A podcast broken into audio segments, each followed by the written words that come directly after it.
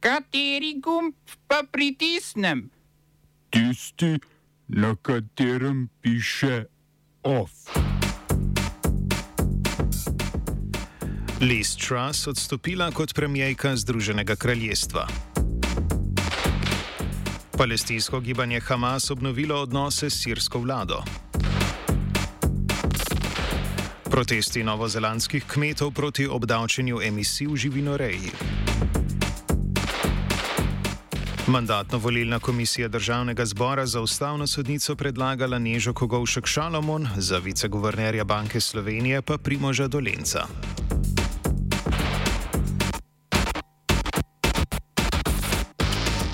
V kulturnih novicah pa o akciji za aktivno stanovansko politiko na placu.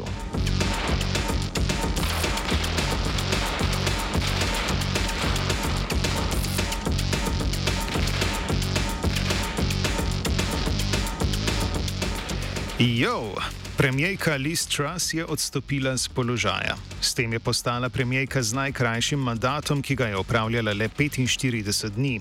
Za odstop se je odločila po izgubi vse politične avtoritete. Izgubila je zaupanje London Cityja, ministrov in torijskih poslancev. Pred njenim odstopom jo je zapustila ministrica za notranje zadeve Suela Braverman, uradno zaradi kršitve vladnega pravila. Iz osebnega elektronskega računa je namreč poslala uradni dokument. Odstopno izjavo, v kateri je prevzela odgovornost, je izkoristila za kritiziranje vlade premijejke Liz Truss. Mesto notranjega ministra je že prevzel Grant Shapps, nekdani minister za transport v vladi Borisa Johnsona. To je bil že drugi odstop iz vlade Liz Truss v enem tednu. V petek je odstopil minister za finance Kwasi Kwarteng in sicer zato, ker ni želel prevzeti polne odgovornosti za predlagano davčno reformo, ki bi šla na roke najpremožnejšim. Novi finančni minister Jeremy Hunt je že naznanil odstop od večjega dela davčne reforme.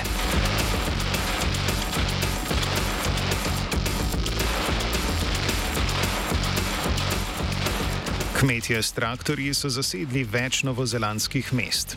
Protestirali so proti predlaganemu zakonu, s katerim želi vlada obdavčiti emisije, ki nastanejo v živinoreji, kot je biogeni metan. Tako imenovani davek na riganje in živalske vetrove je novozelandska vlada napovedala prejšnji teden, z njim pa želi ekstenzivno rejo goveda in ovac narediti bolj okolju prijazno. Kmetje, ki se jim zdi predlagani zakon smešen, svarijo, da bi bil takšen davek usoden za ruralne skupnosti in da bi domače živinorejce zamenjali tuji uvozniki. Vlada pa trdi, da bi lahko bil davek za kmete pozitiven, saj bodo lahko za meso, ki je bilo gojeno na okolju prijazen način, zahtevali večje plačilo. Če bi bil zakon sprejet, bi bila Nova Zelandija prva država, ki bi obdavčila emisije v živinoreji.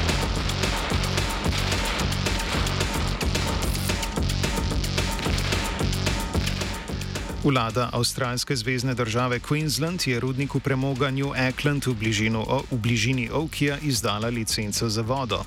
To je bila še zadnja ovira pred začetkom obratovanja tretje faze rudnika. Rudnik je prejšnjega novembra izčrpal sedanjo lokacijo, na novi pa bo na leto proizvedel do 7,5 milijonov ton premoga. Delovanje rudnika se bo s tem podaljšalo za 12 let. Od leta 2019 so že odpustili 300 delavcev. Nasprotniki širitve rudnika opozarjajo, da bo nadaljne rudarjenje prizadelo okoliške kmetovalce in okolje, pri tem pa povdarjajo, da je vladna odobritev v nasprotju z njeno zavezo, da do leta 2035 konča z odvisnostjo od energije iz premoga.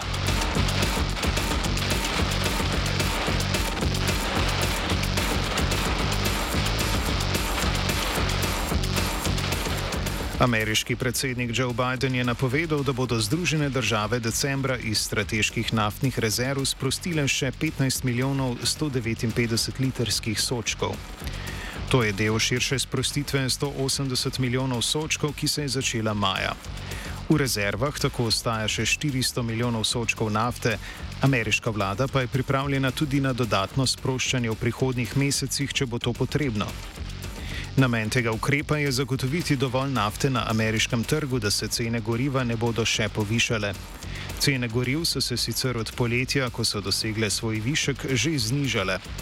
Vprašanje cen goriv je aktualno predvsem zaradi prihajajočih umestnih volitev v kongres in senat, ki bodo v Ameriki potekale novembra in odločilno vplivajo na podporo demokratom. Biden je bil zato nezadovoljen z dogovorom skupine proizvajalk nafte OPEC Plus v začetku oktobra, ki je sklenila zmanjšati črpanje nafte, potem ko je zaradi visokih cen nafte septembra povečala proizvodnjo.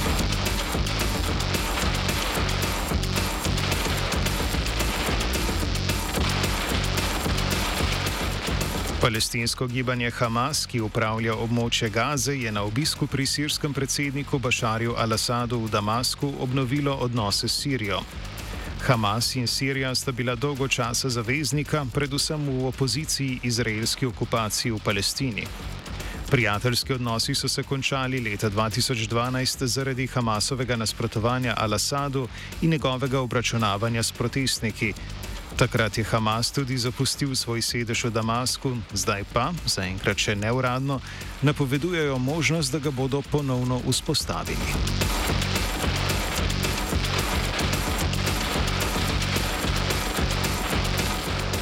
Turška vladna agencija, ki nadzira radijsko in televizijsko oddajanje, je sankcionirala televizijski kanal Tele1 zaradi izjav opozicijskega politika, ki je trdil, da je direktorat za verske zadeve v Turčiji politično orodje.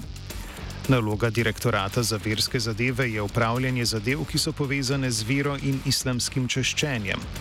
Agencija je televizijskemu kanalu prepovedala oddajanje vsebin za tri dni.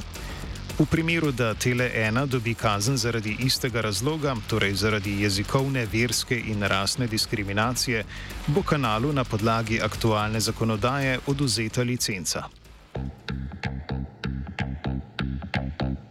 Smo se osamosvojili, nismo se pa osvobodili. Da si našteli še 500 projektov izpiljene modele, kako so se strani nekdanje LDS rotirali. Ko to dvoje zmešamo v pravilno zmes, dobimo zgodbo o uspehu. Takemu političnemu razvoju se reče udar. Jaz to vem, da je nezakonito, ampak kaj nam pa ostane? Brutalni obračun s politično korupcijo. To je Slovenija, tukaj je naša zemlja, to je Slovenija, Slovenija, Slovenija. Mandatno-volilna komisija državnega zbora je državnemu zboru predlagala naj za ustavno sodnico izvoli Nežo Kogovšek Šalamon. Za viceguvernerja Banke Slovenije je komisija predlagala Primoža Dolenca. Kandidatki, ki je trenutno zaposlena pri zagovorniku načela enakosti in je znana po svojem delu na področju varstva človekovih pravic, se v parlamentu obeta potrditev, saj jo koalicijske stranke podpirajo. V času vlade Marjana Šarca so leta 2018 o Dolencu v državnem zboru že glasovali za mesto guvernerja, vendar ni dobil zadostne podpore. Neznano pa je, ali bo postal sodnik na sodišču Evropske unije v Luksemburgu. Predsednik Borut Pahor je namreč za to funkcijo predlagal dva kandidata. Po posvetovanju z vodji poslanskih skupin ni mogel ugotoviti jasne in izrazite podpore nobenemu od njiju. Za položaj se potegujeta Marko Ilešič in Jure Vidmar.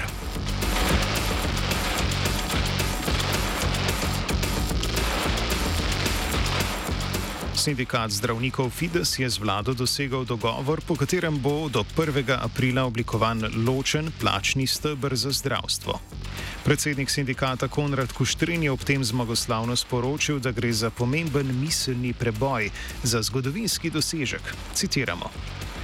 To je prvi premik k razgradnji enotnega plačnega sistema. Do zdaj se ni zgodilo, da bi katerakoli vlada v to privolila.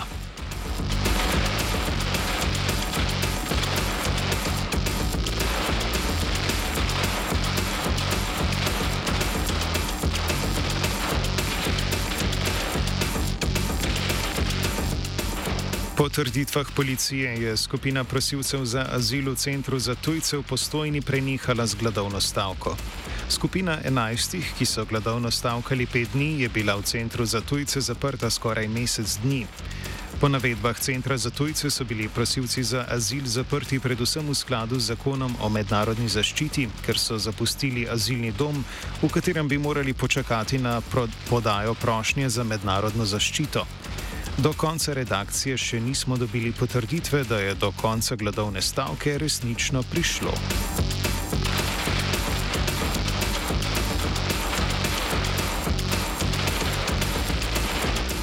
OF je pripravila Aida.